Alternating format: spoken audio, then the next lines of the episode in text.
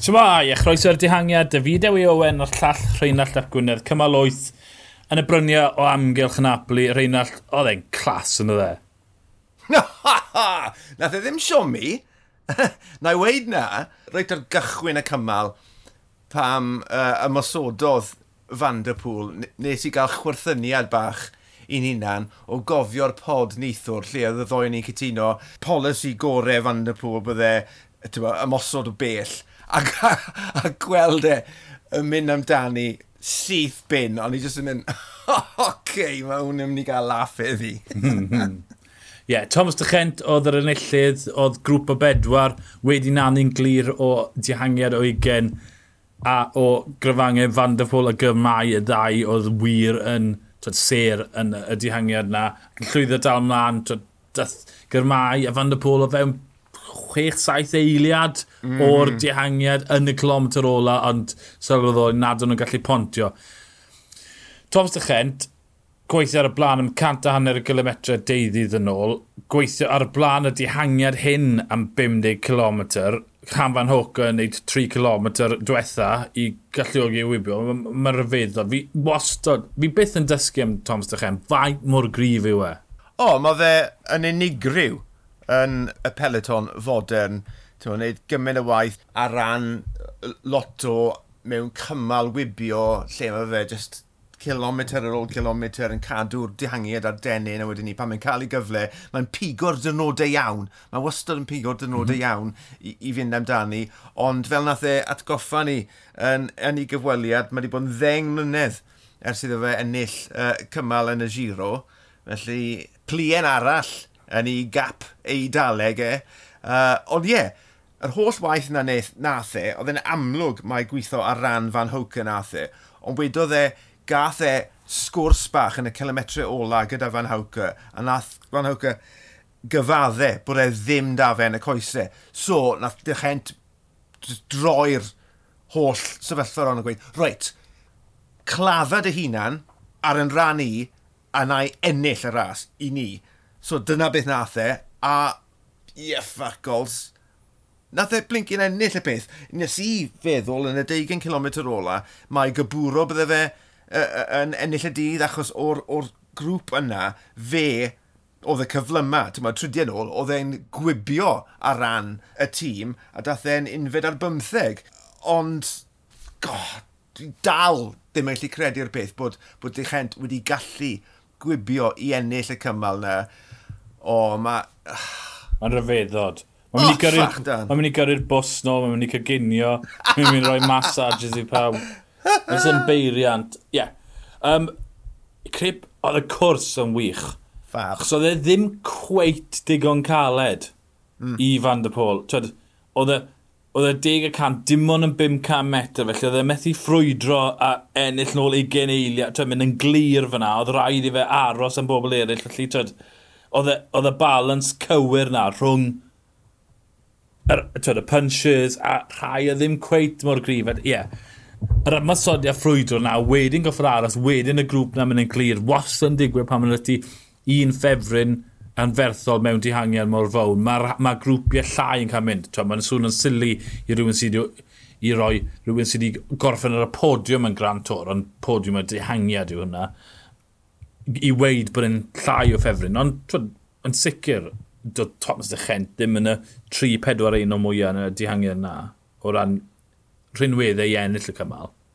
Na, a, a do fe ddim yn ystyried ei hunan fel unillydd chwaith, ond pan dath y gofyn iddo fe, pan sylweddolo nhw, mae fe oedd unig siawns lot o swdal i ennill y cymal, nath e roi law elan, a nath e gyflawni'r gamp.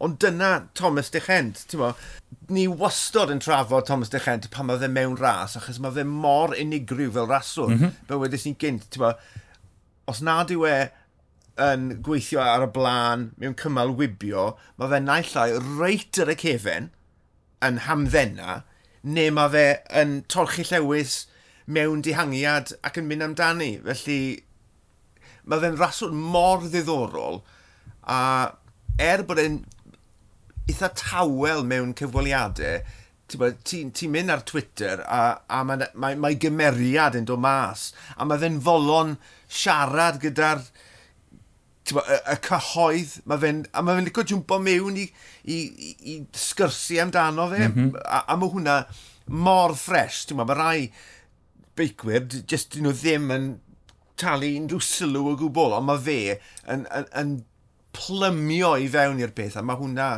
mor ffres. Gwych. A stori efo'n y waith mae wedi'i gwneud yn yr wrthnos gyntaf rhan Caleb Ewan, mae'n rhyfeddol bod e. Nuts, dal. nuts. Na, a tyd, ennill tactegol oedd hwnna, gant y cant, fi'n ameg eitha rhyddid i fynd am un to.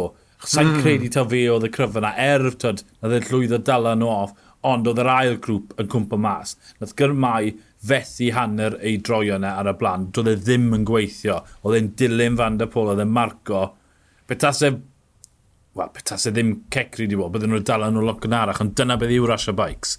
Yeah, yeah. Mae e dim ond yn neud synwyr o fewn i cyd-destun. O, gyda 40 eiliad y fwlch, oedd y grŵp na'n mynd i weithio. Gyda 15 eiliad y fwlch, ddim cweith gymaint. Felly, tod, dim ond wrth edrych ar y cyd-destun ti'n gwneud synwyr o tactegau rasio bikes.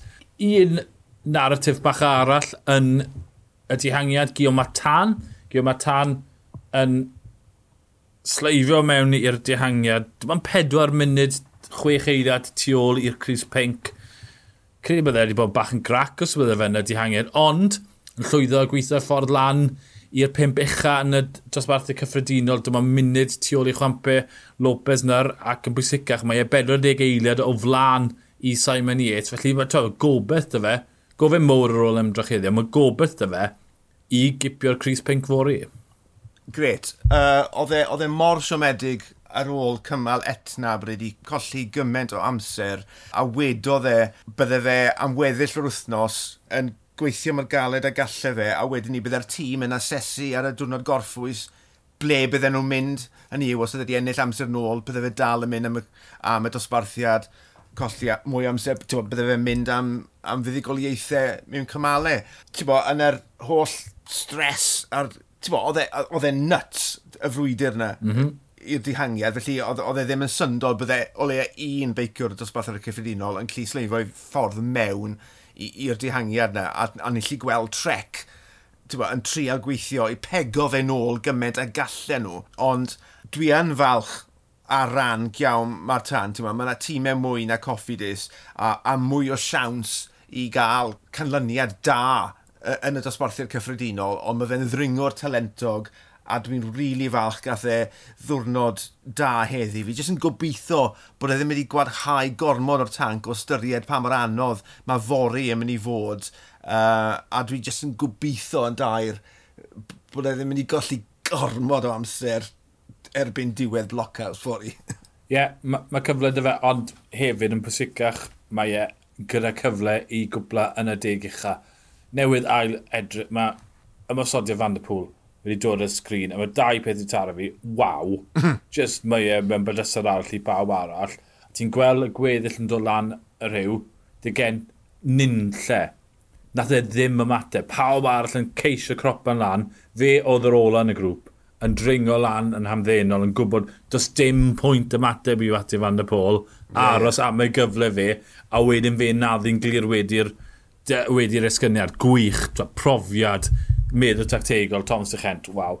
So fe mlaen i gymal naw, dyma lle mae'r ras am y Cryth Pink yn tanio go iawn. Uh, dros 5,000 metr o ddringo, dringo o'r gwn am y 40 km cyntaf, felly to, mae hwnna mynd i fod yn dwyllodrus i'r tîm ar ffefrynnau. Uh, dringfa cat 1, uh, gyda rhyw 40 km i fynd a wedyn maen nhw'n bwrw blockout. 13.9 km, 8.2 y cant. Mae hwnna'n gyletach na gael Wes. Mae fori mynd i fod yn boenus iawn, achos tyba, dyma wir frwydi'r cynta y dosbarthau cyffredinol a gyda y diwrnod gorffwy sy'n dod drannodd, mae nhw wir yn mynd i waghau'r tank, mae yna fylchau mawr yn ei agor. Mae yna ma rai beicwyr jyst yn mynd i syrthio bant a dyna i cyfle nhw ar ben. A mae rhai yn mynd i dangos i ni o'r diwedd pwy sydd a'r cyfle gorau i fynd am y Cris Pink. O! Oh, Dwi'n tymlo'r pôn yng nghoesau jyst yn edrych ar profil fori. Does dim pwynt mynd trwy'r enwau, achos mae'n eglur beth sy'n mynd i ddigwydd mhm. fori. Mm -hmm. Falle bydd dihangiad, falle bydd rhai sydd wedi colli amser yn cael cyfle i fynd amdani. Ond y peth pwysig yw pwy sy'n mynd i fod yn y pimp. Does dim mwy na deg enw mynd i fod dal fod yn y ras wedi fod i, nag oes e? No way. Ie. Yeah. Siwr o fod pimp. Nawr, gyda'r cafiat, tyd, y drydydd wythnos, falle wneith y, e, tyd, yr un sy'n yn ennill, falle wneith y golli 50 eiliad munud fod. Felly methu diastyr un o'n hollol, ond mae yna grŵp, mae yna grŵp o ffefrynnau, mae yna siap i'r ras yn mynd i gael ei ffurfio fori. A pa bynnag un o'r twyd, Yates, Landa, Bilbao, Carapaz, Port ac yn y blaen, Almeida, pa bynnag rai o'r unna sy'n goroesi, rhywna sy'n rheoli giro. Cwestiwn mowr, os oeddi'r 40 km na ar, yn, yn, yn, y dechrau mynd i cael effaith ar y ras, neu jyst oedd e'n mynd i fod yn rhywbeth tactegol o ran hala reidwyr lan yr hewl i helpu yn y diweddglo. Ie, yeah, mae fe'n gyfle da i ddihangiad ffurfio ac agor bwlch da fydd yn rhoi cyfle i nhw, falle, tywa, i fynd yr holl ffordd. Mae e'n mynd i fod yn gymleth, cymleth iawn, rheoli ar yr un llaw, fel ti'n gweud, bydde fe'n ddefnyddiol i'r ffefrynnau dosbarth dosbarthau'r cyffredinol i ddanfon gweithio lan yr hewl er mwyn defnyddio nhw yn hwyrach yn y cymal. Ti ddim eisiau'r ras i redeg bant o ddi wrtho ti, ond o weld heddi, mae'r digon o'r peleton yn blincyn ffrisgi. So, bo, fe allan ni weld rhywbeth tanllid yn, yn, yn cychwyn, ond ar, ar ddwrnod fel fori, bydde fe bydde ti'n meddwl bydde fe gallu bod yn ddefnyddiol iawn i gael ffrind lan yr hewl erbyn i ti bod gyrraedd nhw'n hwyrach yn y cymal. Y peth bwysig yw, yw os mae'r cymal yn dechrau am naw bod pob un tîm yn troi lan am 8 o'r gloch y bore fe bod nhw'n na ar y llinell ar y blaen. Twed, petasyn nhw'n cael eu dala tu ôl yn cysgu. Mae yna potensial am ambush na. Sa'n creu bydd ambush, ond mae pob un tîm yn mynd i fod yn barod amdani yn o'r dechrau ac y bosib mas ar y beic ymarfer cyn, cyn dechrau'r cymal er mwyn bod nhw'n yn y cyflwr cywir i ffrwydro dechrau. Bydd pob bws a wyth beic mewn rhes ar y rollers. Mae yna chwysu mynd i fod cyn fod y uh, pedal cynta mynd i gael ei droi ar yr hewl. Cymal i'r rollers yw, yw fori. Mae eisiau bod mae eisiau cymryd yr eg, lefel yr egni reit yn y man cywir cyn bod nhw hyd yn oed yn dechrau. Felly, ie, yeah, fi'n credu bydd pawb yn cyrraedd yn, yn, yn gynnar ac yn, uh, ac yn paratoi'n go dda cyn bod ni'n dechrau fori. Ie, yeah, um, dwi e ddim rhy dwy'n fori rhyw 20 gradd, dwi e ddim rhy o'r y copa rhyw 16 gradd. Um, croes penwynt ond rhyw 10 km, falle nid hwnna ddim wneud gymaint yna o wahaniaeth. Ond twyd, Ni wedi bod yn trafod am wrthos diwetha, blockhouse, blockhouse, blockhouse. Mae wedi dod yn twyd, proxy am yr ymladd am y pink, y ffrwydrad, y dringwyr wel, Dyna byd ni'n disgo fori. Mae ras yn mynd i newid siap. Mae unwch dyn ni wedi'r cymal i drafod digwyddiadau'r dydd. Mae fi, Dewi Owen, a'r llall rhaid y llygwyd. yn Nes i'n ngofio o fi fyna. fi dechrau blin yn farad. Ni'r dihangiad, hwyl. Garwn na mewn. Fi'n mynd i. Ie. Yeah.